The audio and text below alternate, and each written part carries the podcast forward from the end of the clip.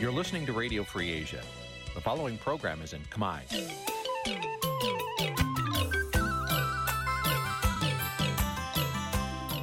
នេះជាកម្មវិធីផ្សាយ Vuthu Azizi Serai នេះជាកម្មវិធីផ្សាយរបស់ Vuthu Azizi Serai ជាភាសាខ្មែរ Vuthu Azizi Serai សូមស្វាគមន៍លោកអ្នកនាងទាំងអស់ពីរដ្ឋធានី Washington នៃសហរដ្ឋអាមេរិក បាទពីរដ្ឋធានី Washington ខ្ញុំបាទសេកបណ្ឌិតសូមជម្រាបសួរអស់លោកអ្នកនាងកញ្ញាទាំងអស់ជាទីមេត្រីបាទយើងខ្ញុំសូមជូនការផ្សាយសម្រាប់រាត្រីថ្ងៃសៅរ៍13រោចខែអាសត់ឆ្នាំថោះបញ្ញស័កពុទ្ធសករាជ2567ត្រូវនៅថ្ងៃទី11ខែវិច្ឆិកាគ្រិស្តសករាជ2023បាទជាដំបូងនេះសូមអញ្ជើញអស់លោកនាងស្ដាប់ព័ត៌មានប្រចាំថ្ងៃដែលមានមេតិការដូចតទៅ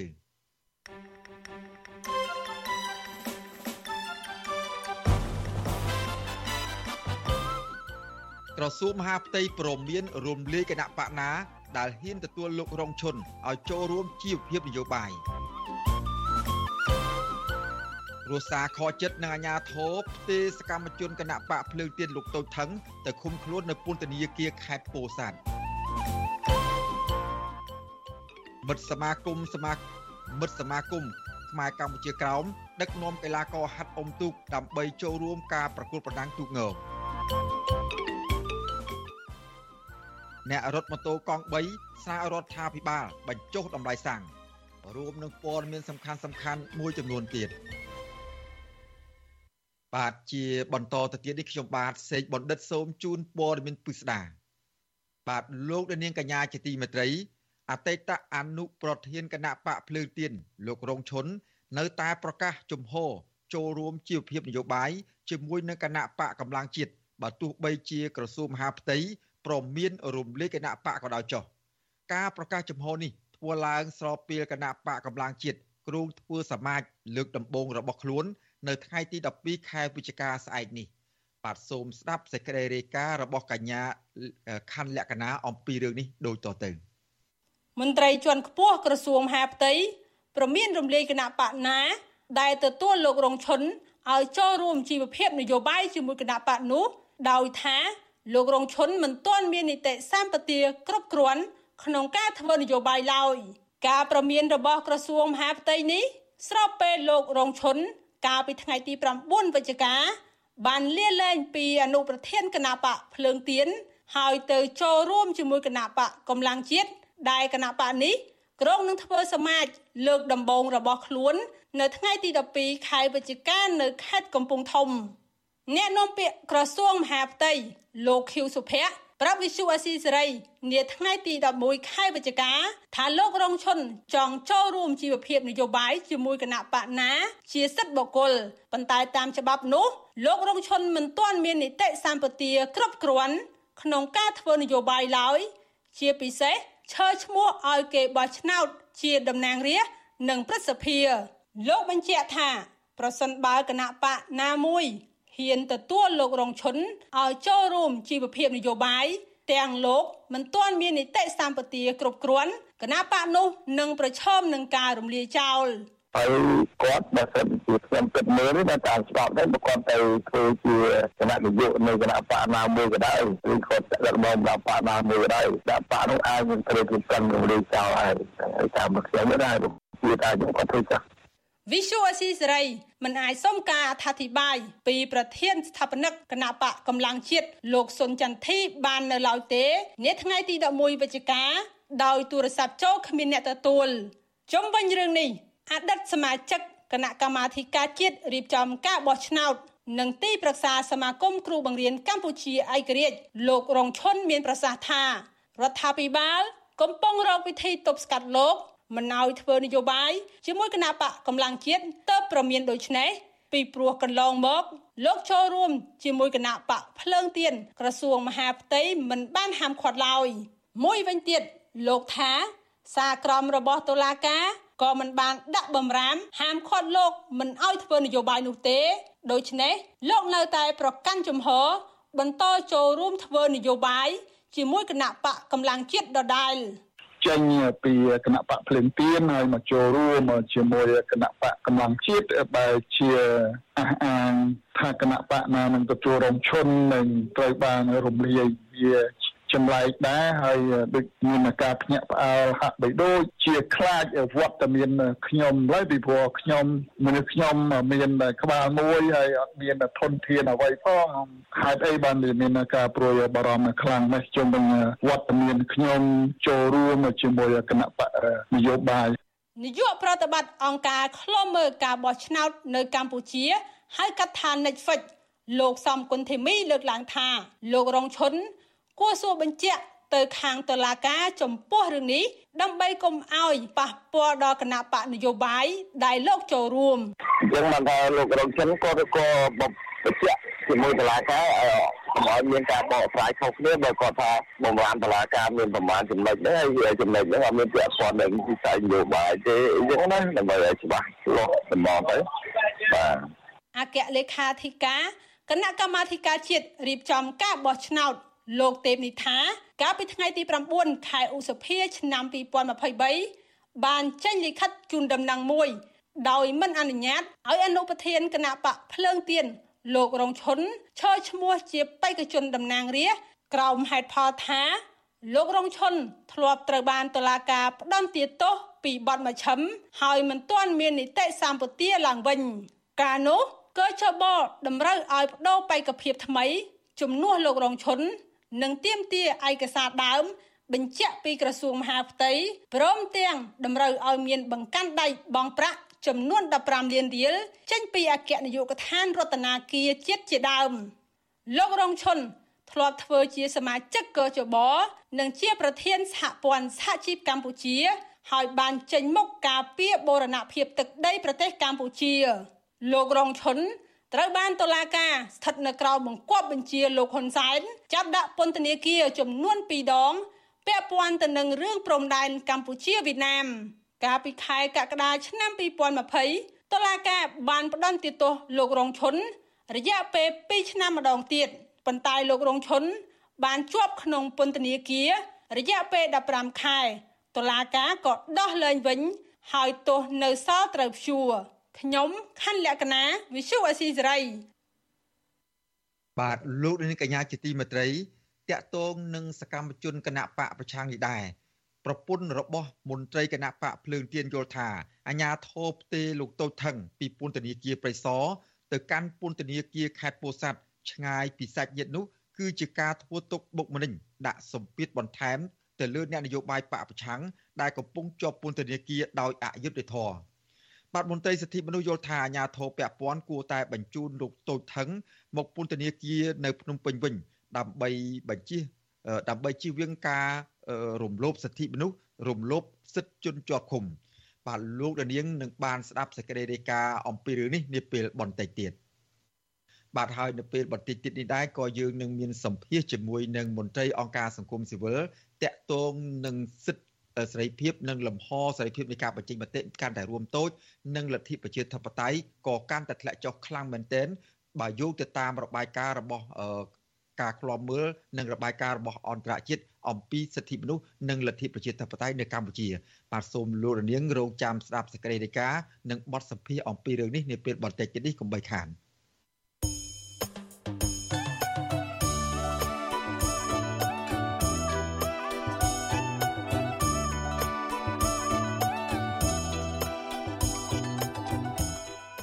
បាទលោកនាងកញ្ញាជាទីមេត្រីលោកនាងកំពុងតាមដានស្ដាប់ការផ្សាយរបស់វិទ្យុអសីសេរីពីរដ្ឋធានីវ៉ាស៊ីនតោនសហរដ្ឋអាមេរិកបាទដំណើរគ្នានឹងការផ្សាយរបស់វិទ្យុអសីសេរីតាមរយៈបណ្ដាញសង្គមមាន Facebook YouTube និងប្រព័ន្ធថ្មី Telegram នោះលោកនាងក៏អាចស្ដាប់ការផ្សាយរបស់វិទ្យុអសីសេរីតាមវិទ្យុរលកធាតុអាកាសខ្លីឬ Shortwave ដែលមានកម្រិតនិងកម្ពស់ដូចតទៅនេះ បាទពេលព្រឹកចាប់ពីម៉ោង5កន្លះដល់ម៉ោង6កន្លះតាមរយៈប៉ុស SW 93.90 MHz ស្មើនឹងកម្ពស់ 32m និងប៉ុស SW 11.85 MHz ស្មើនឹងកម្ពស់ 25m បាទនៅពេលយប់ចាប់ពីម៉ោង7កន្លះដល់ម៉ោង8កន្លះតាមរយៈប៉ុស SW 93.30 MHz ស្មើនឹងកម្ពស់ 32m ប៉ុស SW 11.88 MHz ស្មើនឹងកម្ពស់ 25m និងប៉ុស SW 15.15 MHz ស្មើនឹងកម្ពស់ 20m បាទសូមអរគុណ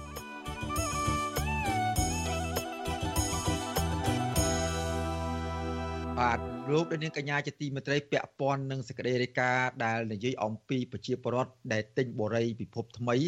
មានការតវ៉ាសូមឲ្យមានការយោគយល់និងទាសំណង50%មកវិញនោះ បាទក្រុមហ៊ុនពិភពថ្មី ប្រកាសពីការខ្សែធននិងធ្វើឲ្យប៉ះពាល់ដល់អតិថិជនទាំងអស់ប្រសិនបើធ្វើការតាម ប្រសិនបើធ្វើការប្រសិនបើធ្វើតាមការទៀមទារបស់ក្រុមអតិថិជនមួយចំនួននោះ បាទក៏ប៉ុន្តែអធិតិជនថាការលើកឡើងនោះគ្រាន់តែជាលេសរបស់ក្រុមហ៊ុនតែប៉ុណ្ណោះបាទសូមស្ដាប់សេចក្តីរាយការណ៍អំពីរឿងនេះរបស់លោកជាតិចំណានពីរដ្ឋធានី Washington ការប្រកាសប្រឈមភាពខ្សែធននេះធ្វើឡើងបន្ទាប់ពីម្ចាស់ផ្ទះបរិយាពិភពថ្មីបានចេញតវ៉ាទាមទារឲ្យក្រុមហ៊ុនទិញផ្ទះរបស់ពួកគេវិញក្នុងតម្លៃ50%ដែលបានបង់នេះបើតាមសេចក្តីប្រកាសរបស់ក្រុមហ៊ុនបរិយាពិភពថ្មីដែលបានចុះផ្សាយកាលពីថ្ងៃទី8ខែវិច្ឆិកា ដោយក្រុមហ៊ុនព្រួយបារម្ភបន្ទាប់ពីក្រុមហ៊ុនទទួលទិញផ្ទះពីអតិថិជន ជាង400ល្វែងដោយអស់លុយជាង5លានដុល្លារគិតត្រឹមរយៈពេល7ថ្ងៃអតិថិជនដែលបានទិញផ្ទះបរិយាពិភពថ្មីលោកស្រីខេកភីរិនប្រាប់វិសុអស៊ីស្រីនៅថ្ងៃទី11ខែវិច្ឆិកាថាលោកស្រីបានបង់រំលោះផ្ទះនៅបរិយាមួយនេះអស់រយៈពេលជាង3ឆ្នាំមកហើយប៉ុន្តែបច្ចុប្បន្នលោកស្រីកំពុងជួបបញ្ហាសេដ្ឋកិច្ចទើបសម្រេចលក់ផ្ទះទៅឲ្យក្រុមហ៊ុនវិញលោកស្រីថាគាត់អង្គុយយំជារៀងរាល់ថ្ងៃ នៅពេលដែលក្រុមហ៊ុនបដិសេធមិនចង់ទិញផ្ទះពីពួកគេវិញយកលុយយើងឲ្យគាត់មិនឲ្យយើងទៀតឲ្យយើងនៅទៀតមានតែធ្វើអញ្ចឹងអូនមានប្រហោះឲ្យរដ្ឋាភិបាលឃើញដើម្បីឲ្យរដ្ឋាភិបាលគាត់ចេញមុខមកជួយដំណោះស្រាយឲ្យពួកយើងព្រោះពួកសុកសុកមកបកចាក់តោផ្ទះឲ្យទីប្រកាសឲ្យយើងរើអីវ៉ាន់ចេញបើមិនចេញពីមានវិធានការអីស្អីទេអញ្ចឹងតែឲ្យយើងខ្ញុំពីមុនខ្ញុំខ្លាចពួកបុរីសន្លត់ខ្ញុំខ្ញុំចេះតែយំតែ ឥឡូវខ្ញុំលែងយំហើយខ្ញុំតស៊ូដល់ទីបំផុតរីឯលោកស្រីថនសម្បត្តិដែលបានទិញផ្ទះអស់ជាង70000ដុល្លារឲ្យដឹងដែរថាបើក្រុមហ៊ុនប្រកាសបែបនេះវាហាក់បោកប្រាស់អតិថិជនរបស់ខ្លួនដែលបានទិញផ្ទះរបស់ក្រុមហ៊ុនកន្លងមកដោយសារតែក្រុមហ៊ុនបានសន្យាទិញផ្ទះពីអតិថិជនវិញនៅពេលដែលម្ចាស់ផ្ទះចង់លក់លោកស្រីស្នើទៅរដ្ឋាភិបាលឲ្យគិតគូរដោះស្រាយឲ្យពលរដ្ឋប្រសើរជាមិនដោយឲ្យក្រុមហ៊ុនធ្វើបាបប្រជាពលរដ្ឋបែបនេះស្របពេលដែលប្រជាពលរដ្ឋមិនអាចរកប្រាក់ចំណូលបានដូចពេលមុន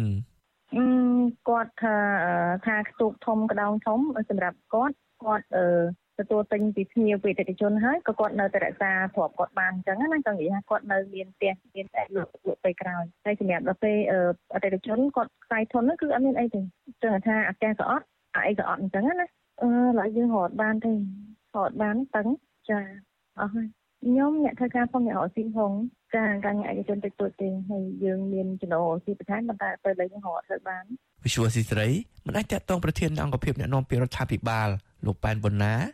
បាននោះទេនៅថ្ងៃទី11ខែវិច្ឆិកាដោយទូរស័ព្ទចូលតែគ្មានអ្នកទទួលជួយរឿងនេះប្រធានវិជ្ជាមណ្ឌលប្រជាពលរដ្ឋដើម្បីការអភិវឌ្ឍនិងសន្តិភាពលោកយ៉ងកំឯងយល់ឃើញថាក្នុងស្ថានភាពនេះក្រុមហ៊ុននិងអតិថិជនកំពុងតែជួបការលំបាកទាំងអស់គ្នាប៉ុន្តែលោកថាខាងក្រុមហ៊ុនហាក់មានប្រៀបជាង ពីព្រោះអតិថិជនបាត់បង់ផ្ទះនិងប្រាក់ថែមទៀតប្រសិនបើក្រុមហ៊ុនរឹបអូសផ្ទះរបស់ពួកគេលោកបន្ថែមថារដ្ឋាភិបាលគួរចេញមករកដំណោះស្រាយដល់ប្រជាពលរដ្ឋដែលជាជនរងគ្រោះទាំងអស់នោះប្រសើរជាងអូសបន្លាយបញ្ហាឲ្យនៅបន្តចឹងខ្ញុំថារឿងអស់ហ្នឹងគឺត្រូវការចាំបាច់ឲ្យមានអន្តរាគមន៍ពីរដ្ឋនៅក្នុងការទប់ទល់កុំឲ្យជាប្រវត្តិខាត់បងខ្លាំងហើយកុំឲ្យក្រុមហ៊ុននោះវាដួលឡងបាទដើម្បីរក្សាលំនឹងបាទនៅក្នុង កម្រិតណាមួយបាទបើសិនថាគេរត់អស់លទ្ធភាពនឹងទប់ទល់ហើយហ្នឹងមិនធ្វើយ៉ាងម៉េចបាទយើងឃើញថាក្រុមហ៊ុនអចលនៈទ្រព្យអីដូចនៅចិត្តនៅអីក៏មានការដួលរំអឺកាលណានេះគឺវាប៉ះវាប៉ះពាល់ជារួមច្រើនរយៈពេលជាង1ខែចុងក្រោយនេះអតិថិជនរបស់ក្រុមហ៊ុនបរិយាពិភពថ្មីរាប់រយនាក់បានផ្ទុះការតវ៉ានៅពេលដែលក្រុមហ៊ុនមិនទទួលទិញផ្ទះពីប្រជាពលរដ្ឋវិញហើយពលរដ្ឋចោទថាក្រុមហ៊ុន មិនបានគោរពតាមពាក្យសន្យារបស់ខ្លួននៅពេលដែលពួកគេទៅទិញផ្ទះពីបរិយាដំបងខ្ញុំបាទជាចំណាន Visual Society ប្រធានាទី Washington បាទលោកនាងកញ្ញាជាទីមេត្រីឥឡូវនេះយើងក្រឡេកមកមើលបញ្ហាបំណុលរបស់រដ្ឋាភិបាលកម្ពុជា ដែលខ្ចីពីចិត្តឯនោះវិញបាទនាយករដ្ឋមន្ត្រីលោកហ៊ុនម៉ាណែតអះអាងថាកម្ពុជាមិនមែនគ្មានហេតុផល ក្នុងការខ្ចីប្រាក់ពីចិនយកមកបម្រើការអភិវឌ្ឍរហូតដល់ថ្នាក់ជំពាក់បំណុលវ៉ាន់កនោះទេ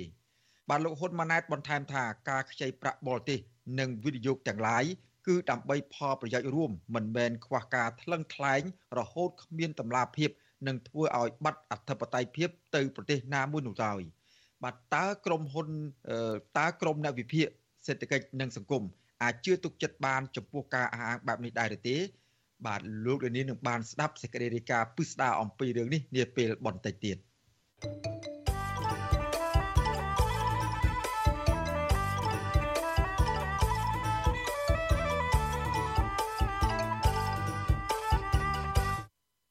បាទលោកនាងកញ្ញាជាទីមេត្រីការប្រពការប្រពៃពិធីបុណ្យអូបទូបតាមប្រពៃណីទំនៀមទម្លាប់ខ្មែរកាន់តែខិតជិតចូលមកដល់ហើយបាទមិត្តសមាគមខ្មែរកម្ពុជាក្រោមសង្ឃឹមថាទូកខ្មែរក្រោមដែលមានឈ្មោះថាខ្មែរកម្ពុជាក្រោមមានជ័យនឹងទទួលបានជោគជ័យក្នុងការប្រណាំងទូកនៅពេលខាងមុខនេះ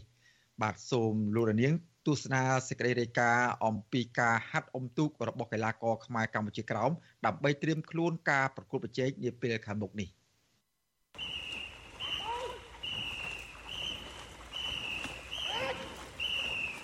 ទូកនេះមានឈ្មោះថាខ្មែរកម្ពុជាក្រមមានជ័យហើយមានអាយុនឹងចាប់ពីឆ្នាំ2002រហូតដល់បច្ចុប្បន្ននឹង21ឆ្នាំនឹងក្រមការគ្រប់គ្រងរបស់ មិត្តសមាគមខ្មែរកម្ពុជាក្រមហើយតាំងពីឆ្នាំ2002រហូតមកដល់ឆ្នាំ2005ហ្នឹងយើងលេងនៅក្នុងຂະຫນາດទូកវែងຂະຫນາດទូកវែងមានចំណុះ68នាក់ដល់ឆ្នាំ2006រហូតដល់ឆ្នាំ2010យើងបដូរមកຂະຫນາດទូកខ្លីទូកខ្លីហ្នឹងហៅថាຂະຫນາດអន្តរជាតិហ្នឹងមានចំណុះ22នាក់ហើយក៏យើងអក ទៅតាមម្លឹងគណៈកម្មការបុណ្យជាតិហ្នឹងគេសំខាន់អស់ប្រហែលឆ្នាំដល់2016បានយើងចាប់ផ្ដើមលេងសារថ្មីនិយាយពីប្រវត្តិទូកនេះយើងចាប់បដូរមកយើងចាប់បដូរមកទូកថ្មីហ្នឹងឆ្នាំ2016ហើយរហូតដល់បច្ចុប្បន្ន ការចូលរួមប្រកួតនៅក្នុងឆ្នាំនេះគណៈកម្មការយើងរួមជាមួយនឹងកីឡាករមាននឹងមានសង្ឃឹមថាយើងនឹងយកបាននៅជោគជ័យនៅលទ្ធផលដ៏ល្អយ៉ាងឆ្នាំមុនមុនហើយការចូលរួមពិធីបុណ្យអំទូបណ្ដែតប្រទីបអកអំបុកទាំងព្រះប្រខែរបស់គណៈរបស់ទូកងោខ្មែរកម្ពុជាក្រមមានជ័យ មិនថា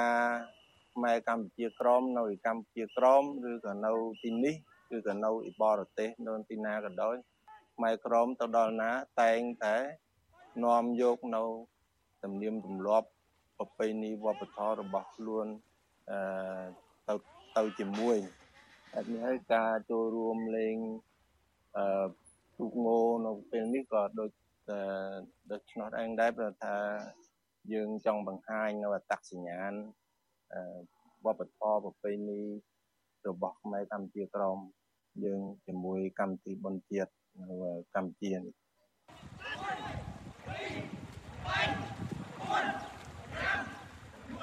បើយើងថាសង្គមអ្នកណាក៏សង្គមដែរបងប៉ុន្តែដឹងស្រាប់អី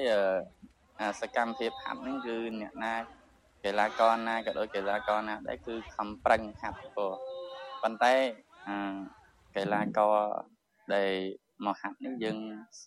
យើងចំណាយថវិកាច្រើនព្រោះអញ្ចឹងចំនួនចំនួនថ្ងៃហាត់ក៏យើងវាអនុលោមទៅតាមចំនួនថវិកាដែរព្រោះជាក់ស្ដែងគឺយើងហាត់តាមបានតែ20 20ថ្ងៃទេគឺទី1ចំណាយទៅលើការចុះចូលទូកផ្នែកមួយហើយអឺហើយ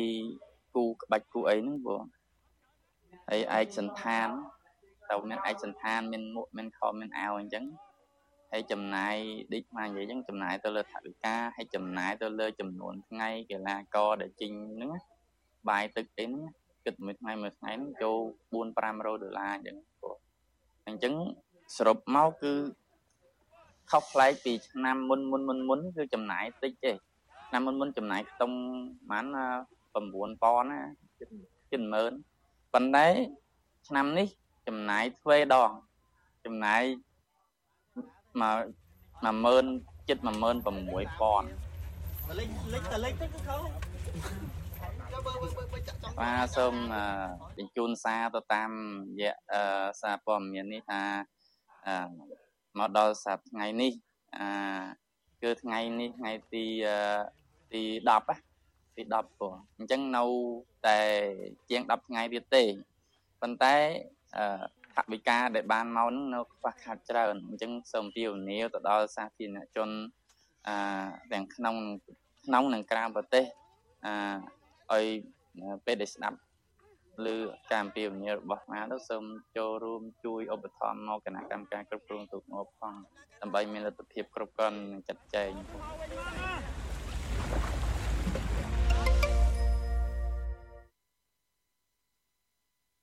បាទលោកនាងកញ្ញាជាទីមេត្រី អ្នករត់ម៉ូតូបាទលោកនាងកញ្ញាជាទីមេត្រីអ្នករត់ម៉ូតូកង់3និងកសិករស្នើឲ្យរដ្ឋាភិបាល បញ្ចុះតម្លៃប្រេងឥន្ធនៈឲ្យបានក្រោម4000រៀលក្នុង1លីត្រដើម្បីជួយសម្រួលដល់ជីវភាពរបស់ពលរដ្ឋដែលកំពុងប្រឈមនឹងការបាត់បង់ប្រាក់ចំណូល បាទមន្ត្រីសង្គមស៊ីវិលជំរុញឲ្យរដ្ឋាភិបាលកម្ពុជាគួរបញ្ចុះតម្លៃប្រេងសាំងឲ្យនៅទាបប្រហាក់ប្រហែលនឹងប្រទេសជិតខាងដើម្បីលើកកម្ពស់ជីវភាពប្រជាពលរដ្ឋជាពិសេសអ្នកប្រកបមុខរបរពាក់ព័ន្ធនឹងវិស័យដឹកជញ្ជូនបាទពីរដ្ឋធានីវ៉ាស៊ីនតោនអ្នកស្រីម៉ៅសុធីនីមានសេចក្តីរាយការណ៍អំពីរឿងនេះ អ្នករត់ម៉ូតូកង់3ត្អូញត្អែពីបញ្ហាជីវភាព ដែលបណ្ដាលមកពីការបាត់បង់អ្នកជិះស្របពេលដែលតម្លៃសាំងឡើងថ្លៃជាបន្តបន្ទាប់កន្លងមក ដែលធ្វើឲ្យប៉ះពាល់ដល់បរិវត្តប្រកបរបរសេដ្ឋកិច្ចក្រៅប្រព័ន្ធអ្នករត់ម៉ូតូកង់3នៅខេត្តសៀមរាប លោកឆៃរតប្រាប់បច្ចុប្បន្នស្រីនៅថ្ងៃទី11ខែវិច្ឆិកាថាភ្ញៀវភាគច្រើនត្អូញត្អែពីតម្លៃសេវាកម្មដឹកជញ្ជូនកាន់តែឡើងថ្លៃដែលធ្វើឲ្យពួកគេកាត់បន្ថយការធ្វើដំណើរដែលធ្វើឲ្យលោកប្រឈមនឹងការបាត់បង់ភ្ញៀវដោយសារតែលោកយកឈ្នួលដឹកឡើងថ្លៃតាមតម្លៃសាំងដែរលោកក៏បានស្នើរដ្ឋាភិបាលគួរងាកមកពិចារណាទម្លាក់តម្លៃសាំងមកនៅប្រហែល3500រៀលវិញ ដើម្បីជួយសម្រួលដល់អ្នកប្រកបរបរសេវាកម្មដឹកជញ្ជូន តាំងបានត្រៀម3800ញ៉ាំទៅ3500អញ្ចឹងគឺល្អមែនទែនបើអាចបើម្ល៉េះយើងអាចទទួលយកបានដូចនៅប្រទេសជិតខាងអញ្ចឹងគឺល្អទាំងអស់តែគ្នាចង់និយាយថាទី1យើងតម្លៃសាំងក៏វាថ្លៃហើយយើងរោមួយដឹកក៏វាមិនទៅបានអញ្ចឹងណាបើយើងចេះតែនៅមានអូតែលនេះក៏នៅស្ងំស្ងំអញ្ចឹងទៅអាចបានបណ្ណាក៏បានបណ្ណាក៏អត់អញ្ចឹងទៅបូកផ្សំនឹងពលានគេឆ្ងាយផងពលានគេបើគេមានឡានអញ្ចឹងទៅគេដឹកចុះឡើងទៅគេបានលុយទៅបើយើងនៅនិយាយយើងចាំយើងតាមយកតែគេការតូនតែនេះធ្វើឡើងនៅបន្ទាប់ពីក្រសួងពាណិជ្ជកម្មនៅថ្ងៃទី11ខែវិច្ឆិកាបានចេញសេចក្តីជូនដំណឹងអំពីតម្លៃប្រេងសាំងលក់រាយនៅលើទីផ្សារបានធ្លាក់មកនៅ4350រៀលក្នុង1លីត្រដោយចុះពី4550រៀលចំណែកឯប្រេងម៉ាស៊ូតវិញមានតម្លៃ4350រៀលក្នុង1លីត្រគឺធ្លាក់ចុះត្រឹមតែ50រៀលប៉ុណ្ណោះ បើធៀបទៅនឹងប្រទេសជិតខាងតម្លៃសាំងនៅកម្ពុជា គឺថ្លៃជាងនៅប្រទេសវៀតណាមដែលមានតម្លៃ3900រៀលក្នុង1លីត្រនិងថោកជាងប្រទេសថៃដែលមានតម្លៃ5000រៀលក្នុង1លីត្រក៏ប៉ុន្តែតម្លៃប្រេងម៉ាស៊ូតរបស់ថៃវិញ គឺមានតម្លៃត្រឹមតែ3300រៀលប៉ុណ្ណោះដែលថោកជាងកម្ពុជា1000រៀល បញ្ហាតម្លៃប្រេងឥន្ធនៈមិនត្រឹមតែប៉ះពាល់ដល់ប្រជាពលរដ្ឋដែលប្រកបរបរសេដ្ឋកិច្ចក្រៅប្រព័ន្ធនោះទេក៏ប៉ុន្តែបញ្ហានេះក៏ប៉ះពាល់ដល់កសិករមួយចំនួន ដែលជាពិសេសគឺនៅក្នុងរដូវប្រមូលផល និងចាប់ផ្ដើមភ្ជួររាស់ដី ដើម្បីធ្វើស្រែប្រាំងខាងមុខកសិករនៅស្រុកមុងឬស័យលោកសុងម៉ៅលើកឡើងថាបញ្ហាតម្លៃប្រេងម៉ាស៊ូតនេះគឺជាបន្ទុកដ៏ធ្ងន់មួយរបស់កសិករដែលប្រើប្រាស់គ្រឿងម៉ាស៊ីន ចាប់តាំងពីការភ្ជួររាស់ដឹកជញ្ជូន រហូតដល់ពេលប្រមូលផល ដែលធ្វើឲ្យការចំណាយថ្លៃដើមកាន់តែច្រើនលោកបន្តថាការចុះតម្លៃប្រេងម៉ាស៊ូតត្រឹមតែ50រៀលគឺมันបានជួយដល់កសិករអ្វីឡើយខណៈតម្លៃប្រេងម៉ាស៊ូតដែលលក់នៅស្ថានីយ៍ប្រេងឥន្ធនៈនៅតែមានតម្លៃ4500រៀលនិងនៅតាមភូមិមានតម្លៃ5000រៀលដដែល ចង់ស្នើដល់រដ្ឋាភិបាលបើសិនជាអាចសេរីអាបញ្ហាប្រេងសាំងនឹងឲ្យវាតម្លៃថេដូចមុនមុនឲ្យធូរទៅតម្លៃត្រឹមក្រោមខ្សែអញ្ចឹងណាយើងចេះទទួលយកបានហើយឥឡូវតែតំណែងចិនវាថ្លៃកប់តាមពីស្ករប៊ីចេងខ្ទឹមអីតម្លៃ1គុណ2គុណ3អស់ហ្នឹងឥឡូវនេះហើយតម្លៃស្រោបបានតែ1000ទេ វត្ថុអសីស្រីមិនអាចតាក់ទងអ្នកនាំពាក្យក្រសួងពាណិជ្ជកម្មលោកប៉ែនសុវិជាតិដើម្បីសុំការបកស្រាយជំវិញរឿងនេះបានទេ នៅថ្ងៃទី11ខែវិច្ឆិកាតែកតិនរឿងនេះដែរនាយកអង្គការសម្ព័ន្ធកណន័យភាពសង្គមកម្ពុជាលោកសនជ័យមើលឃើញថាតម្លៃប្រេងឥន្ធនៈនៅកម្ពុជា គឺថ្លៃជាងប្រទេសជិតខាង លោកបន្តថាបញ្ហានេះបានជះឥទ្ធិពលទៅលើសេដ្ឋកិច្ចរបស់ពលរដ្ឋដែលពឹងផ្អែកលើប្រេងឥន្ធនៈដើម្បីជួយដល់វិស័យកសិកម្មនិងការដឹកជញ្ជូនកសិផល លោកយល់ឃើញថារដ្ឋាភិបាលគួរដោះស្រាយបញ្ហានេះជាប្រព័ន្ធដោយស្វែងរកចំណុចរួមមួយផ្ដល់ប្រយោជន៍ដល់កសិករនិងក្រុមហ៊ុនដឹកជញ្ជូន។ បើកាលណាមធ្យោបាយដឹកជញ្ជូន ការប្រើប្រាស់មធ្យោបាយសម្រាប់វិស័យកសិកម្មនៅតែជាការចំណាយមួយខ្ពស់កម្រិតនៃការធ្វើកសិកម្មនឹងខាតគឺនៅតែជាកង្វល់ដដែលជាដដែលដូច្នេះជ្រុងមួយនៃអតិភិបត្រូវតែមានការដោះស្រាយទៅលើបញ្ហាតម្លៃប្រេងឥន្ធនៈនេះបាទ បរដ្ឋនិងមន្ត្រីសង្គមស៊ីវិលស្នើឲ្យរដ្ឋាភិបាលទម្លាក់តម្លៃប្រេងឥន្ធនៈឲ្យថោកជាងនេះពីព្រោះប្រេងឥន្ធនៈគឺជាចំណុចអាទិភាពមួយ នៃប្រភពកម្លាំងធម្មពលជួយដល់លទ្ធភាព នៃការផលិតបានខ្ពស់ចំណាយថ្លៃដើមតិច ដែលជះឥទ្ធិពលលើតម្លៃទំនិញគ្រប់មុខនៅទីផ្សារនិងការរស់នៅរបស់ប្រជាពលរដ្ឋចាននាងខ្ញុំម៉ៅសុធានីវិទ្យុអាស៊ីស្រីប្រធានាធិបតី Washington បាទលោកនាងកញ្ញាជាទីមេត្រីប្រជាពលរដ្ឋដែលប្រកបមុខរបររកទទួលទានប្រចាំថ្ងៃមួយក្រុមទៀតនៅក្នុងរាជធានីភ្នំពេញបាទពលរដ្ឋមួយចំនួននៅក្នុងទីក្រុងភ្នំពេញហ្នឹងក៏ប្រកបមុខរបរអាជីពដេរនិងដុសខាត់ស្បែកជើង នៅតាមចិញ្ចើមផ្លូវដើម្បីបានប្រាក់ចិញ្ចឹមគ្រួសារប្រចាំថ្ងៃបាទពួកគាត់មើលឃើញថារបរនេះអាចជួយដោះស្រាយជីវភាពបានល្អប្រសើរក៏ប៉ុន្តែពួកគាត់ក៏ចង់ឲ្យរដ្ឋាភិបាលផ្ដល់ទីកន្លែងមួយសមរម្យ ដើម្បីឲ្យពួកគាត់អាចបន្តប្រកបអាជីវកម្មមួយនេះបានល្អប្រសើរបាទសូមទស្សនាសេចក្តីរាយការណ៍របស់លោកនៅវណ្ណរិនអំពីរឿងនេះពីរដ្ឋធានី Washington ក្នុងទីក្រុងភ្នំពេញគេអាចប្រទះឃើញអ្នកប្រកបមុខរបរខាត់ស្បែកជើង នៅតាមទីកន្លែងផ្សេងផ្សេងខ្លះដើរចល័តតាមហាងកាហ្វេ និងខ្លះទៀតនៅតាមអាហារដ្ឋានពីកន្លែងមួយទៅកន្លែងមួយទៀត ដែលបានបោះទីតាំងប្រកបរបរនេះជាប្រចាំនៅត្រង់កន្លែងណាមួយជាក់លាក់ឬនៅតាមចិញ្ចើមថ្នល់ឬជាប់របងផ្ទះអ្នកដតីដូចជានៅម្ដុំផ្សារធំថ្មី និងវត្តព្រះពុទ្ធមានបុណ្យជាដើម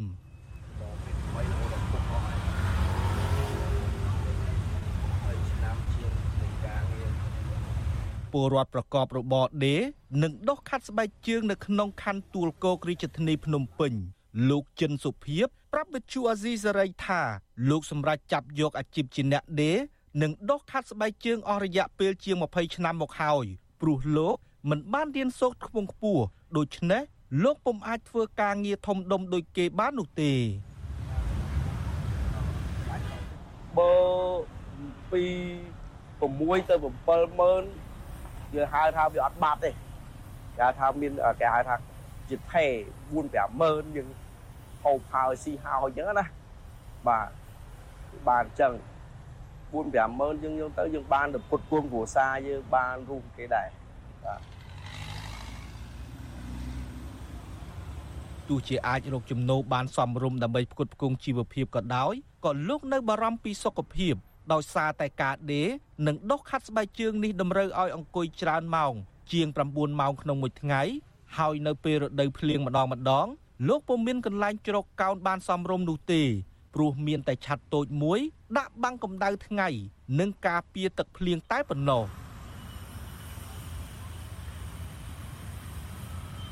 ពលរដ្ឋម្នាក់ទៀតដើមកំណើតនៅក្នុងខេត្តតាកែវដែលកំពុងប្រកបមុខរបរដេរនិងដុសខាត់ស្បែកជើងនៅក្នុងរាជធានីភ្នំពេញនោះដែរគឺលោកហួយសុភីបលើកឡើងថាលោកសប្បាយចិត្តចំពោះអាជីវកម្មមួយនេះ ព្រោះលោកអាចរកចំណូលបានខ្លះដើម្បីចិញ្ចឹមគ្រួសារនិងផ្គត់ផ្គង់ឲ្យកូនបានរៀនសូត្រ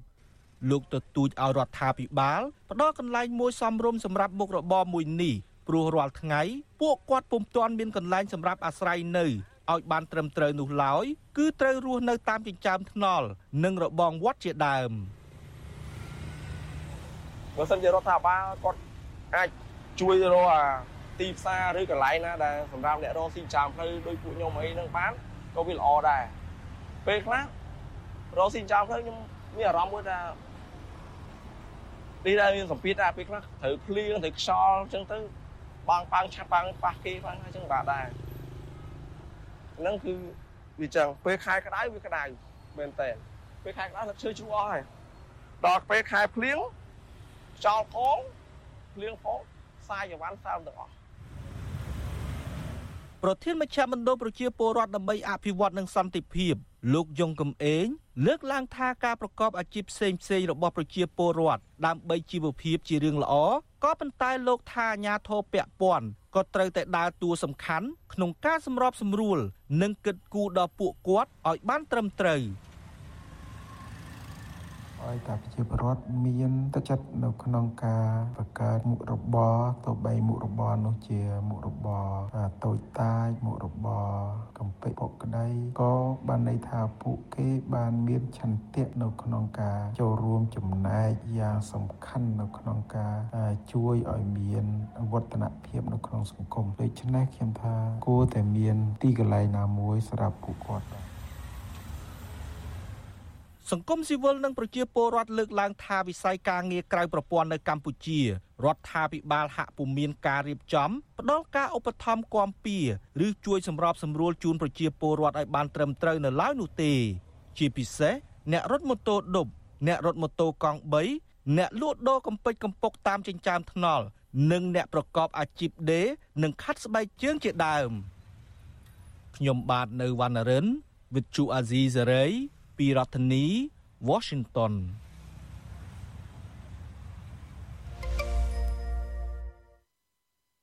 បាទលោកនាងកញ្ញាជាទីមេត្រីឥឡូវនេះយើងត្រឡប់មកមើលបំណុលរបស់រដ្ឋាភិបាលកម្ពុជា ដែលខ្ចីពីចិនឯនោះវិញបាទ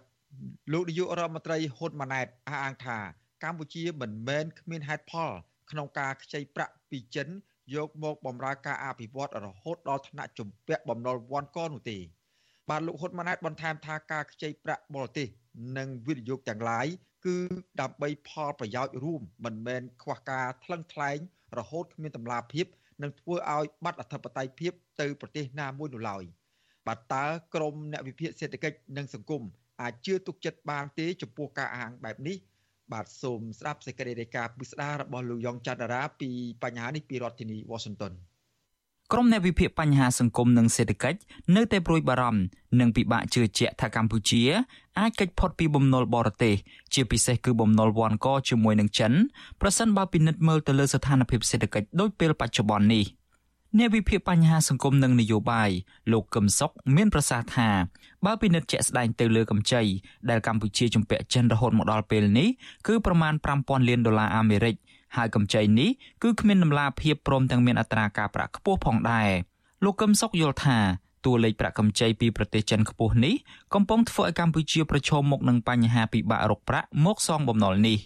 នៅក្នុងស្ថានភាពដែលប្រទេសកម្ពុជាកំពុងតែរអិលធ្លាក់ទៅក្នុងវិបត្តិសេដ្ឋកិច្ចតាមការព្រមានរបស់ស្ថាប័នហិរញ្ញវត្ថុអន្តរជាតិធំធំតើយើងយកលុយពីណាទៅសងចិនទាន់ ក្រៅតែពីកាត់ធនធានរបស់ប្រទេសសម្រាប់ផ្គប់ចិត្តចិនហើយលើសពីនឹងទៅទៀតគឺថែមទាំងផ្គប់ចិត្តចិនតាមវិធីដាក់អធិបតេយ្យរបស់ប្រទេសកម្ពុជា នៅក្រោមនយោបាយភូមិសាស្ត្ររបស់ចិនផងការលើកឡើងរបស់អ្នកវិភាគនេះគឺបន្ទាប់ពីលោកនាយរដ្ឋមន្ត្រីហ៊ុនម៉ាណែតបានអះអាងថាកម្ពុជាមិនដល់ថ្នាក់ជំពាក់បំណុលចិនរហូតដល់ថ្នាក់វ៉ាន់កនោះទេកាលពីថ្ងៃទី2ខែវិច្ឆិកាលោកហ៊ុនម៉ាណែត បានថ្លែងនៅក្នុងពេលជួបសំណេះសំណាលជាមួយកម្មករជិត20000នាក់នៅក្រុងតាខ្មៅខេត្តកណ្ដាលថាកម្ពុជាមិនខ្ចីប្រាក់បរទេសរហូតដល់ជំពាក់បំណុលគេវ៉ាន់កនោះឡើយហើយប្រាក់កម្ចីនោះទៀតសោតលោកថាដើម្បីយកមកបម្រើការអភិវឌ្ឍសេដ្ឋកិច្ចមិនមែនយកមកទិញរថយន្តនិងយន្តហោះជិះផ្ទាល់ខ្លួននោះឡើយ ហើយយើងក៏មិនមែនคล้ายទៅជាការខ្ចីបំណុលគ្មានហេតុផលរហូតទៅដល់ជាពាក់វ័នកដោយគេថាដូចទេគ្មានប្រទេសណាលើពិភពលោកតិចបំផុតដែលប្រទេសដែលថាអត់មានបំណុលហើយប្រទេសអត់មានបំណុលក៏ប្រទេសខ្លះត្រូវចេញបំណុលខ្ចីទៅលើប្រជាពលរដ្ឋខ្លួនឯងដែរសម្បីតែជប៉ុនខ្លួនឯងដែលចោលចូលជាមួយគេបន្ទុកបំណុលរបស់គាត់លើស100%ដែលបសសខ្ញុំចុះអាមេរិកប្រទេសបារាំងប្រទេសដូចតែគ្រាដែរទេដើម្បីការវិនិយោគជាពលរដ្ឋយើងបើទោះបីជាលោកហ៊ុនម៉ាណែតអះអាងបែបនេះក៏ដោយ ក៏អ្នកវិភាគមួយចំនួនពិបាកជឿជាក់ណាស់ថាកម្ពុជាអាចនឹងគេចផុតពីភាពវាន់កដោយសារបំណុលបរទេសជាពិសេសគឺបំណុលចិនដែលមានសភាពធ្ងន់ធ្ងរជាងគេអ្នកវិភាគឯករាជ្យបណ្ឌិតឡាវម៉ុងហៃមានប្រសាសន៍ថាបើទោះបីជានៅមុនពេលគេឲ្យកម្ពុជាខ្ចីប្រាក់មានអ្នកជំនាញបរទេសមកពិនិត្យនិងគិតគូរពីគម្រោងអភិវឌ្ឍនានាព្រមទាំងធ្វើការវិតម្លៃលើសន្ទុះនៃកំណើនសេដ្ឋកិច្ចកម្ពុជា បានច្បាស់លាស់ក៏ដោយ ក៏លោកនៅតែព្រួយបារម្ភទៅលើបញ្ហាដែលកម្ពុជាអាចនឹងរើខ្លួនមិនរួចចំពោះបំណុលវ័នកនេះដែរដោយសារតែពេលខ្លះស្ថានភាពសេដ្ឋកិច្ចកម្ពុជា មានការវិវត្តខុសពីការទាយទុករបស់អ្នកជំនាញ។ ខ្ញុំនៅតែព្រួយបារម្ភចឹងព្រោះចង់អ្នកបកកើតនៅក្រៅការគុតគូរឿងទៅមុខណាខ្ញុំយកឧទាហរណ៍ប្រទេសកិច្ចប្រទេសពីរគឺប្រទេសឥណ្ឌូនេស៊ីប្រមាណថា10ឆ្នាំមុននោះបាល់ការរបស់ដូចជាធនាគារពិភពលោកអង្គការអន្តរជាតិនឹងថាតែសេដ្ឋកិច្ចនេះកំពុងកើតកើតឡើងល្អណាស់យើងចោះហើយគឺមានវិបត្តិព្រឹកយើងតែវាមិនមែនត្រឹមតែមានវិបត្តិសេដ្ឋកិច្ចទេមាននាំឲ្យមានវិបត្តិនយោបាយនៃការផ្លាស់ប្ដូរនៃដឹកនាំទៅទៀតទៅប្រទេសអេស៊ីបក៏របៀបចឹងដែរគឺមុនតែបដិបត្តិពណ៌បដិបត្តិអីរដ្ឋាភិបាលបានព្យាករទុកថាសេដ្ឋកិច្ចកម្ពុជាឆ្នាំ2023នេះនឹងសម្រេចបានអត្រាកំណើនក្នុងរង្វង់6.6%ដែលជារឿងល្អប្រសើរចំពោះតម្រូវការសកល និងទំនុកចិត្តសម្រាប់អ្នកវិនិយោគទុនបន្ទាប់ពីវិបត្តិជំងឺ Covid-19 ក៏ប៉ុន្តែអ្នកសិក្សាការវិវត្តសង្គមបណ្ឌិតសេងសេរីមើលឃើញផ្ទុយពីនេះ។ លោកថាបើពិនិត្យទៅលើទុនវិនិយោគបរទេសដោយផ្ទាល់ឬហៅកាត់ថា FDI ឃើញថាកម្ពុជាគ្រាន់តែប្រទេសចិនតែមួយចូលមកវិនិយោគទុននៅកម្ពុជារហូតដល់ទៅចំនួន73.75%ហើយអ្នកវិនិយោគទុនមកពីប្រទេសផ្សេង មានប្រមាណតែ26.5%ប៉ុណ្ណោះបណ្ឌិតសេងសេរីបញ្យល់ថាតាមស្តង់ដារវិនិយោគទុនបរទេសដោយផ្ទាល់ឬ FDI បើប្រទេសកម្ពុជាមានតែអ្នកវិនិយោគចិនច្រើនជាងប្រទេសដទៃទៀតពេកនោះបើប្រៀបធៀបជាមួយនឹងសន្ទុះសេដ្ឋកិច្ចផង មានន័យថាកម្ពុជាអាចគ្រោះថ្នាក់ធ្ងន់ធ្ងរនៅពេលណាដែលចិនមានវិបត្តិសេដ្ឋកិច្ចកម្ពុជាបានភ្ជាប់ទំនាក់ទំនងសេដ្ឋកិច្ចនិងភាពជាដៃគូសកម្មនៅក្នុងគម្រោងខ្សែក្រវ៉ាត់និងផ្លូវហៅកាត់ថា BRI របស់ចិនចាប់តាំងតែពីឆ្នាំ2013 នៅក្នុងរយៈពេល10ឆ្នាំមកនេះកម្ពុជាអះអាងថាផ្លែផ្ការបស់គម្រោងខ្សែក្រវ៉ាត់និងផ្លូវរបស់ចិនបានធ្វើឲ្យមានសមិទ្ធផលជាច្រើនដូចជាតំបន់សេដ្ឋកិច្ចពិសេសនៅក្រុងប្រសេះហនុរោងចក្រវិរិយអគិសនីសេសានក្រោម2នៅខេត្តស្ទឹងត្រែងស្ពានឆ្លងទន្លេនៅក្នុងស្រុកស្ទឹងត្រង់ខេត្តត្បូងឃ្មុំពហុកីឡាដ្ឋានជាតិមរតកដីជោនៅភ្នំពេញផ្លូវលបឿនលឿនភ្នំពេញក្រុងប្រសេះហនុផ្លូវថ្នល់ជាតិមួយចំនួនមន្ទីរពេទ្យការផ្គត់ផ្គង់ទឹកស្អាតតាមទីជនបទ ហើយថ្មីថ្មីនេះគឺអាកាសយានដ្ឋានអន្តរជាតិសៀមរាបជាដើមតាមរយៈសមិទ្ធផលទាំងនេះមកដល់បច្ចុប្បន្នកម្ពុជាបានជំពាក់បំណុលបរទេសសរុបប្រមាណ15000លានដុល្លារអាមេរិកហើយ40%នៅក្នុងចំណោមបំណុលទាំងនោះគឺជំពាក់ចិនបើទោះបីជាសំណង់ផ្លូវថ្នល់ស្ពាននិងអាគារដែលសាងសង់ដោយក្រុមហ៊ុនចិនទាំងនោះកំពុងរីស្គូស្គៀយ៉ាងណាក៏ដោយក៏គេសង្កេតឃើញថាសំណង់ទាំងនោះហាក់មិនសូវមានគុណភាពនោះទេដោយកន្លងមក ធ្លាប់មានសំណង់សន្តាគារនៅខេត្តព្រះសីហនុនិងនៅក្នុងក្រុងកែបបានបាក់រលំបណ្ដាលឲ្យកម្មករខ្មែរមួយចំនួនស្លាប់និងរងរបួសចំណែកការសាងសង់ផ្លូវលបឿនលឿនពីភ្នំពេញខេត្តព្រះសីហនុទៀតសោតក៏មិនបានហុចផលប្រយោជន៍សម្រាប់ប្រជាពលរដ្ឋខ្មែរដែលរស់នៅតាមបណ្ដោយដងផ្លូវទេប៉ុន្តែមានតែធ្វើឲ្យប៉ះពាល់ដូចជាគ្មានផ្លូវឆ្លងកាត់សម្រាប់មនុស្សនិងសត្វពីកន្លែងមួយទៅកន្លែងមួយទៀតបានត្រឹមត្រូវនោះទេឯការដេញថ្លៃសាងសង់វិញទៀតសោត ហាក់មិនមានដំណាភាពត្រឹមត្រូវឡើយគឺគេច្រើនតែដេញថ្លៃទៅឲ្យបាក់ពួកឬក៏ខ្សែអ្នកមានអំណាចហើយពេលមានបញ្ហាប៉ះពាល់ដល់ប្រយោជន៍របស់ប្រជាពលរដ្ឋវិញក៏មិនមានសំណងត្រឹមត្រូវដល់ពួកគាត់នោះដែរខ្ញុំយ៉ងច័ន្ទដារាវិទ្យុអាស៊ីសេរី Washington បាទលោកនាងកញ្ញាជាទីមេត្រី ក្រសួងស្ថាប័នជាតិសំខាន់សំខាន់កម្ពុជា ថាកម្ពុជាចាហោចណាស់មាន24ស្ថាប័នកំពុងរងការជ្រៀតជ្រែកគ្រប់គ្រងទិន្នន័យ និងព័ត៌មានដែលអាចកំណត់អត្តសញ្ញាណផ្ទាល់ខ្លួនរបស់ប្រជាពលរដ្ឋដោយក្រុមចោរព័ត៌មានវិទ្យាឬហៅថា hacker ចិនហៅកាត់ថា APT បាទនេះបើតាមការស៊ើបអង្កេតរបស់ក្រមអ្នកវិភាគការគម្រាមកំហែងតាមប្រព័ន្ធអ៊ីនធឺណិតនៃមជ្ឈមណ្ឌលនិវេនវត្តនិងបច្ចេកវិទ្យាសកល ដែលចេញផ្សាយរបាយការណ៍របស់ខ្លួនកាលពីពេលថ្មីៗនេះបាទលោកដានីនឹងបានស្ដាប់សេចក្តីរាយការណ៍ពិស្ដារអំពីរឿងនេះនៅព្រឹកស្អែក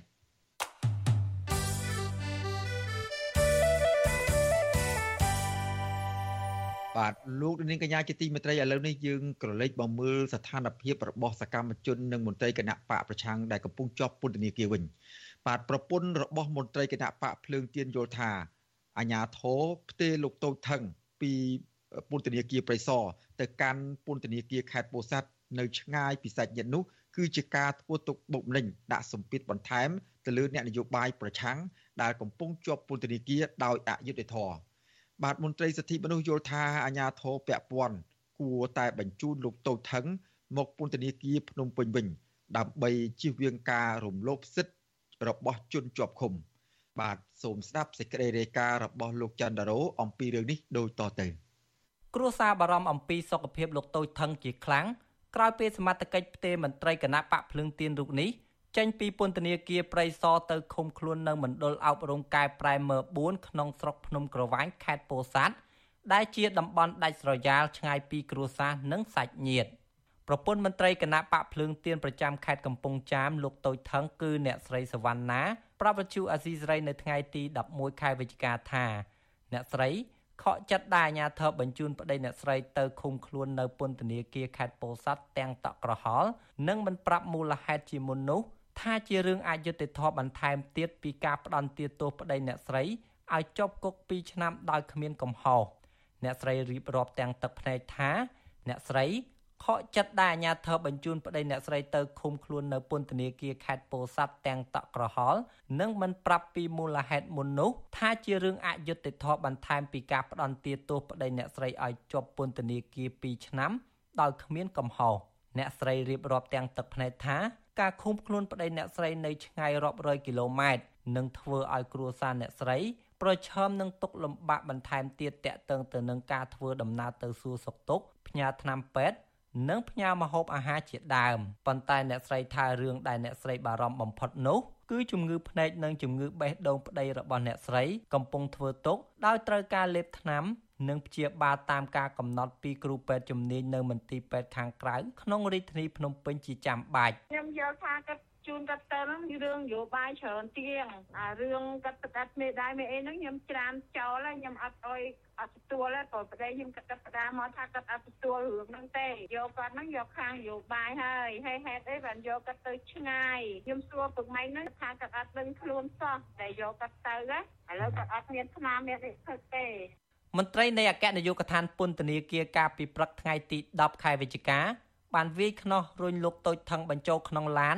ដឹកទៅពន្ធនាគារខេត្តពោធិ៍សាត់ភ្លាមភ្លាមបន្ទាប់ពីក្រុមប្រឹក្សាជំនុំជម្រះនៃតុលាការកំពូលលោកយូបន្លែងបដិសេធលើបណ្ដឹងស្នើសុំនៅក្រៅឃុំបណ្ដោះអាសន្នតកតឹងរឿងនេះអ្នកនាំពាក្យអគ្គនាយកដ្ឋានពន្ធនាគារនៃក្រសួងមហាផ្ទៃលោកនុតសាវណ្ណាប្រាប់វិទ្យុអាស៊ីសេរីថាការផ្ទេរលោកតូចថងទៅមណ្ឌលអប់រំកែប្រែមើ4 មិនជាប់តាក់ទងរឿងនិន្នាការនយោបាយនោះទេ លោកអះអាងថាការផ្ទេរជនជាប់ឃុំ ពីពន្ធនាគារព្រៃសរទៅពន្ធនាគារតាមខេត្តផ្សេងផ្សេងគឺធ្វើឡើងជាធម្មតាដើម្បីកាត់បន្ថយភាពចង្អៀតណែននៅក្នុងពន្ធនាគារគាត់ត្រូវមានឈ្មោះទៅផ្ទេមិនមែនថាជាមុខសញ្ញាអីទេប៉ុន្តែដោយសារយើងជួយសម្រួលដល់ភាពចង្អៀតណែនអញ្ចឹងអ្នកដែលកាត់ទោសហើយឬក៏មិនមានទេ ពិធីតុលាការអីតវែងឆ្ងាយទៀតអានឹងអង្គភាពយើងបញ្ជូនទៅមក4ឬមក3ទៅតាមកម្រិតទោស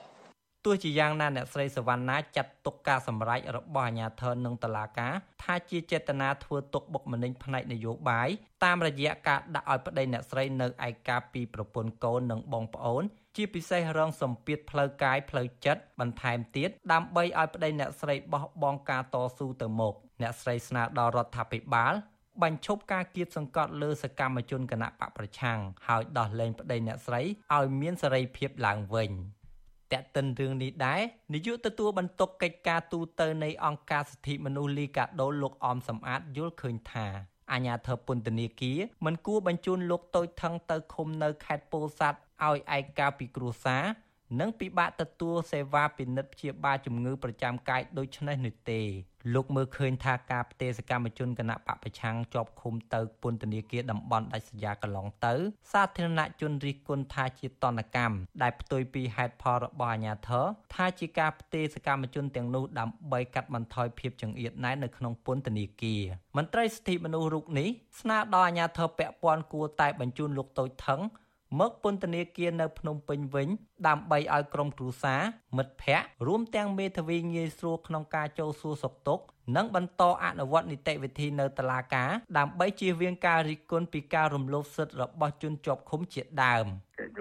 កប្រធានពន្ធនាគារលោកការទេនឹងថាយោងទៅលើភាពចាំបាច់ភាពជំនឿណែនឬក៏សន្តិសុខអីជាដើមប៉ុន្តែយើងជាអង្គការសង្គមស៊ីវិលថាជៀសវាងការរិះគន់ក៏គួរតែពិនិត្យពិចារណាឲ្យបានច្បាស់លាស់ជាពិសេសគឺដំណើរការរឿងស្ដីគាត់នេះនៅ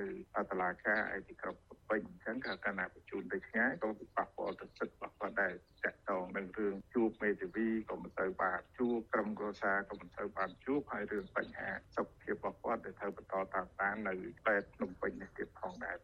លោកតូចថងមានវ័យ75ឆ្នាំ មានដើមកំណើតខ្មែរក្រោមនិងជាអតីតសមាជិកក្រុមការងាររបស់គណៈបកសង្គ្រោះជាតិប្រចាំខេត្តកំពង់ចាមកាលពីឆ្នាំ2017ហើយបច្ចុប្បន្ន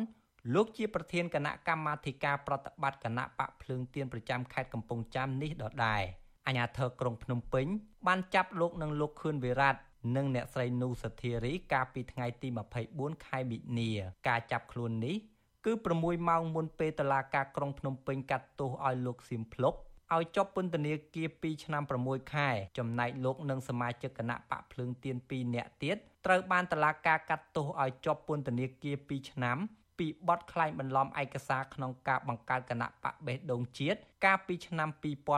2021ទោះជាយ៉ាងណាក្តីសហគមន៍ជាតិនិងអន្តរជាតិចាត់ទុកករណីនេះថាជារឿងនយោបាយហើយទាមទារឲ្យប្រគល់សេរីភាពជូនពួកគេវិញដោយឥតលក្ខខណ្ឌខ្ញុំច័ន្ទដារ៉ូវុទ្ធុអាស៊ីសេរី បាទលោកនាងកញ្ញាជាទីមេត្រីជាបន្តទៅទៀតនេះយើងនឹងមកមើលស្ថានភាពការគោរពសិទ្ធិមនុស្សនិងលទ្ធិប្រជាធិបតេយ្យនៅកម្ពុជាក្នុងអំឡុងរយៈពេលប្រមាណឆ្នាំចុងក្រោយនេះបាទភ្ញៀវកិត្តិយសរបស់យើងដែលបានមកផ្ដល់ជាសក្ខីកម្មនៅក្នុងការពិនិត្យមើលអំពីស្ថានភាពការគោរពលទ្ធិប្រជាធិបតេយ្យនិងសិទ្ធិមនុស្សនៅពេលនេះមានពីររូបគឺលោករស់សថាបាទលោករស់សថាគឺជាប្រធានអង្គការសម្ព័ន្ធអង្គការការពារសិទ្ធិមនុស្សកម្ពុជាហៅកាត់ថាច្រាក់ ហើយយើងនឹងមានវិលក្មិនមួយរូបទៀតគឺលោកអំសំអាតបាទលោកអំសំអាតគឺជានាយកទទួលបន្ទុកកិច្ចការទូតនៃអង្គការសិទ្ធិមនុស្សលីកាដូលោកនឹងមកផ្ដល់ព័ត៌មានខ្លះខ្លះអំពី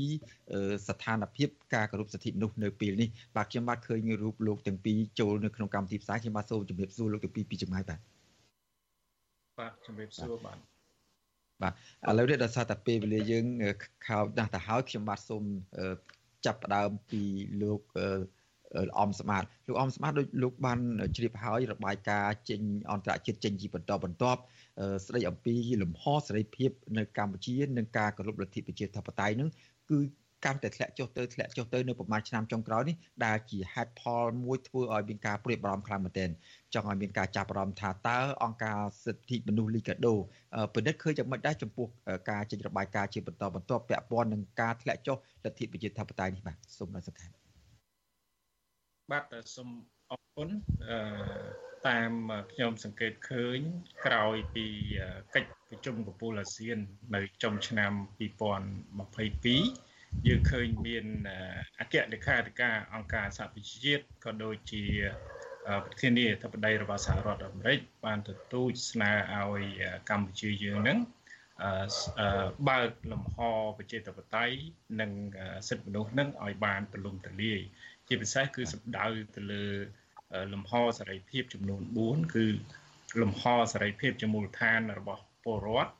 លំហសេរីភាពសមាគមអង្គការសង្គមស៊ីវិលនិងសហជីពលំហសេរីភាពសារព័ត៌មាន និងលំហសេរីភាពនយោបាយអញ្ចឹងចាប់ពី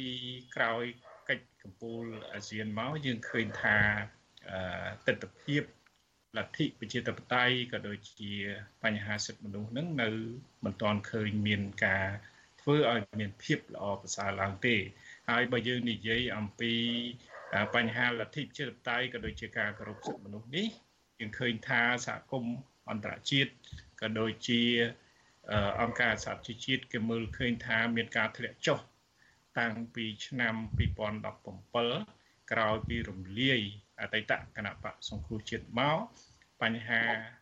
លទ្ធិជាតិបតៃបញ្ហាសិទ្ធិមនុស្សនេះ គឺមានការធ្លាក់ចុះ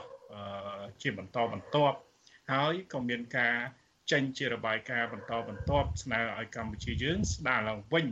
នៅលទ្ធិចិត្តជាតបតៃនិងការគោរពសិទ្ធិមនុស្សនេះហើយដោយមើលឃើញថាមិនទាន់មានភាពល្អប្រសើរហើយបញ្ហាជំរងចម្រាស់ជាច្រើនបានកើតឡើងទៀតយើងមើលទៅលើលំហសេរីភាព នយោបាយយើងឃើញថាសហគមន៍អឺរ៉ុបក្តីសហរដ្ឋអាមេរិកក្តីនិងអង្គការសហប្រជាជាតិគេមើលឃើញថាការធ្វើទុកបុកម្នេញទៅលើសកម្មជនគណៈបកប្រឆាំងអតីតគណៈបកប្រឆាំងការចាប់ខ្លួន ការឃុំខ្លួនក៏ដូចជាការចាប់ខ្លួនទៅលើសកម្មជនសិទ្ធិមនុស្សសកម្មជនសហជីពមេដឹកនាំសហជីពឬក៏សកម្មជនបរិស្ថាននិងអ្នកធ្វើការងារសង្គមផ្សេងផ្សេងហ្នឹង គេថាវាជាការរដ្ឋបတ်ទៅលើលំហសេរីភាពជាមូលដ្ឋាននិងលំហសេរីភាពនយោបាយហើយឯរឿងសារព័ត៌មានយើងមើលឃើញហើយអឺមានការធ្លាក់ចុះជាបន្តបន្ទាប់រហូតទៅដល់ចុងក្រោយនេះគឺមានការបិទទៅលើសារព័ត៌មាន VOD ដែលមានបញ្ហាចម្រូងចម្រាសខ្លាំងហើយកលេចមើលទៅអឺ លំហសេរីភាពរបស់សមាគមអង្គការសង្គមស៊ីវិលក៏ស្ថិតនៅក្នុងភាពនៃការតាមដានឃ្លាំមើលទៅលើសកម្មភាពនៃអង្គការសង្គមស៊ីវិលឬក៏សហជីពជាបន្តបន្ទាប់ផងដែរអញ្ចឹងបើខ្ញុំសរុបមកយើងឃើញថា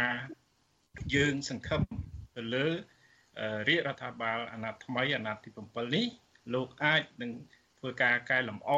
ទៅលើលទ្ធិប្រជាធិបតេយ្យក៏ដូចជាការគោរពសិទ្ធិមនុស្សដើម្បីឲ្យកម្ពុជាយើងនឹងទទួលបានផលចំណេញពីព្រោះកន្លងទៅកម្ពុជាយើងបានបាត់បង់ច្រើនដែរហើយដូចជាបញ្ហា EBA ដែលយើងបាត់បង់20% GSP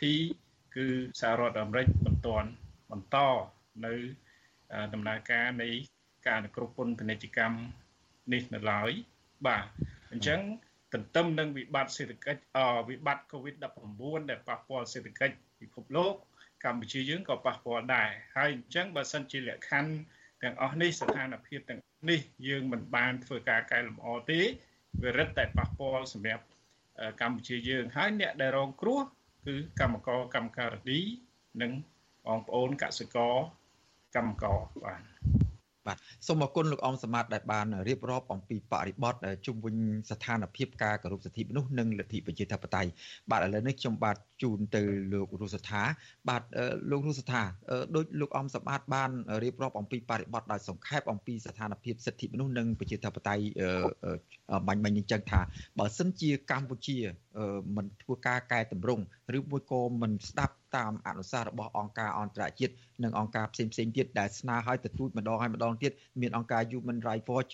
ចុងក្រោយនេះ ដែលរបាយការណ៍របស់អង្គការអន្តរជាតិមួយទៀតគឺ International ID នេះក៏ទើបបញ្ចេញថ្មីថ្មីនេះដែរហ្នឹងនិយាយអំពីការធ្លាក់ចុះនិងផលប៉ះពាល់ធ្ងន់ធ្ងរដល់ប្រទេសដែលមិនគោរពលទ្ធិប្រជាធិបតេយ្យនិងការរួមតូចនៃលំហសិទ្ធិសេរីភាពមានសេរីភាពបញ្ចេញមតិនិងសេរីភាពក្នុងការធ្វើនយោបាយជាដើមនេះតើវានឹងធ្វើឲ្យកម្ពុជាញោមញីទៅដោយបញ្ហានិងគ្រោះថ្នាក់យ៉ាងម៉េចដែរចំពោះប្រទេសជាតិទៅពេលខាងមុខនេះបាទអរគុណសូ មនមស្ការជំរាបសួរបងប្អូនមិត្តស្ដាប់ទាំងអស់ហើយសូមជំរាបសួរដល់លោកអង្គសមាធផងដែរបាទជាដៃគូសន្ទនាក្នុងវិទ្យាបាទគឺជាការប៉ះពាល់ការភាពញោមញីប្រសិនជាយើងមិនបានដើរតាមគន្លងរដ្ឋធម្មនុញ្ញដែលយើងបានព្រមព្រៀងគ្នាពីដើមពីនោះមក តាម1993និងតាមអនុសាសន៍សំខាន់សំខាន់មួយចំនួនរបស់អង្គការសហគមន៍ជាតិនិងហៅថាប្រទេសដែលមានភាពចាស់ទុំខាងផ្នែកប្រជាធិបតេយ្យហើយយើងសូមនិយាយថាមិនបាច់និយាយដល់ប្រទេសមហាអំណាចទេណាយើងនិយាយថាប្រទេសដែលមានភាពចាស់ទុំលើរបបប្រជាធិបតេយ្យនេះគឺថាកម្ពុជាយើងគឺថាស្របទៅតាម គោលការណ៍ស្មារតីឯកភាពក្នុងកិច្ចព្រមព្រៀងសន្តិភាពក្រុងប៉ារីសធ្វើឲ្យកម្ពុជាមានបញ្ហាធំធំចំនួន4នៅក្នុងអាចចិត្តពីពីនោះទីមួយបញ្ហាសេដ្ឋកិច្ចដោយលោកក្រុមសម្បត្តិលោកបានបញ្ជាក់ទៅហើយថាពាក់ព័ន្ធនឹងសេដ្ឋកិច្ចវិជ័យរបស់យើងហើយយើងត្រូវការដង្ហើមរស់ពីប្រទេសមហាមិត្តពិសេសគឺថាជាប្រទេសអត្តលេខីនៃកិច្ចប្រពៃសន្តិភាពក្រុងប៉ារីសដែលបានបរិច្ចាគទុនធានរបស់ខ្លួនទាំងទុនធានមនុស្សទុនធានសម្ភារៈថវិកាដើម្បីជួយស្ដារសេដ្ឋកិច្ចកម្ពុជាដើម្បីធ្វើឲ្យកម្ពុជាមានលំនឹងក៏ដូចជាមានការវិវត្តសេដ្ឋកិច្ចជិនទៅមុខបាទឥឡូវនេះយើងឃើញថាមានគេថា យើងក៏បានចូលសមារង្គមជាមួយពិភពលោកដែលមានសេចក្តីបញ្ញាចិត្តក្នុងការធានាមានការអភិវឌ្ឍអាជីវកម្ម sustainable global development goal ណាបាទឥឡូវយើងឃើញហើយថារោងចក្រមួយចំនួនគឺត្រូវបានបិទវាទាំងស្រុងខ្លះទៀតក៏មិនមានគេហៅថាការកម្ងគ្រប់គ្រាន់ហើយដែលមិនអាចមានការងារគ្រប់គ្រាន់ជូនកម្មករយើងធ្វើការជាមួយសហជីពយើងបានដឹងព័ត៌មានមួយ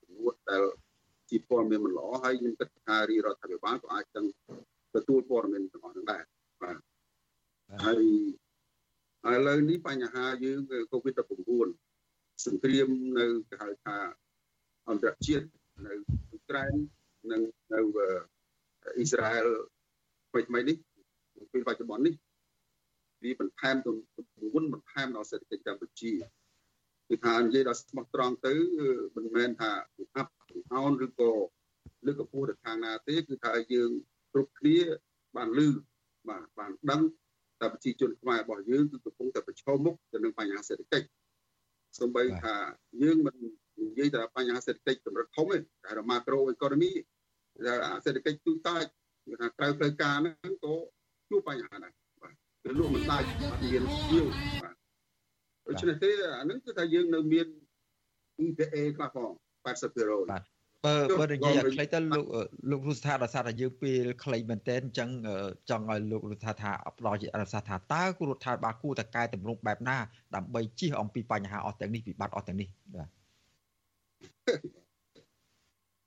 បញ្ហាច្រើនណាស់ដែលរដ្ឋាភិបាលលោកត្រូវធ្វើបាទបញ្ហាទី1បញ្ហាឯករាជ្យភាពរបស់ប្រទេសកម្ពុជាឯករាជ្យភាពរបស់ប្រទេសកម្ពុជានេះដែលវាចេះឥទ្ធិពលដល់ការអនុវត្តនីតិសព្វថ្ងៃបាទអានឹងគោលការណ៍កិច្ចព្រមព្រៀងសន្តិភាពក្រុងប៉ារីសមានកំណត់ចែងច្បាស់លាស់ហើយដែលយើងត្រូវគួរតែធ្វើតាមឲ្យបានមកចត់ ទើបឲ្យយើងឲ្យរំដោះប្រទេសកម្ពុជារបស់យើងឲ្យកម្ពុជាយើងគឺថាអាចស្រាលខ្លួនពីបញ្ហាជាប់កាក់ព័ន្ធពេលទៅពីអតីតកាលទី2គឺថាបញ្ហាអរិញអរិញនយោបាយលំហនយោបាយដែលលោកនេះសមាជិកមុខសាអញ្ចឹងគឺថាលំហនយោបាយគឺថាយើងត្រូវតែធានាในការធ្វើនយោបាយដោយសេរីស្មើភាពមិនមានការរើសអើងបាទ ហើយដែលយើងគឺថាសំខាន់បញ្ហានយោបាយនេះគឺថាពាក់ព័ន្ធនឹងការបោះឆ្នោតគឺថាត្រូវត្រូវគឺយ៉ាងណាឲ្យការបោះឆ្នោតរបស់យើងប្រកបដោយសេរីនិងយុត្តិធម៌បញ្ហារបស់ការបោះឆ្នោតដោយសេរីយុត្តិធម៌នេះគឺជារឿងចំបាច់ណាស់ដែលជាបញ្ហាដែលដែលខ្ញុំដឹងគឺថាមានការចាប់អារម្មណ៍ច្រើនពីសហគមន៍អន្តរជាតិក៏ដូចជាប្រជាជាតិខ្មែរនិងគណៈបកនយោបាយផ្សេងៗយើងឃើញថាកន្លងមកនេះគឺថាបញ្ហាទំនាស់នយោបាយដែលកំពុងមាននេះដោយសារតែបញ្ហារឿងបោះឆ្នោត យើងឃើញថាកន្លងមកនេះគឺថាគណៈបកភ្លើងទៀនមិនអាចបោះឆ្នោតបានឥឡូវនេះគឺថាគណៈបកក្រៅរដ្ឋាភិបាលក៏មានយុទ្ធសាស្ត្រថ្មីទៀតឥឡូវថ្មីថ្មីនេះយើងឃើញថាលោករងឈុនអីក៏រដ្ឋបាលក៏មានការទៀតហើយដូច្នេះអានឹងគឺថាខ្ញុំមិននិយាយទេដោយសារពាក់ព័ន្ធនឹងបញ្ហាច្បាប់នៅកម្ពុជាបាទ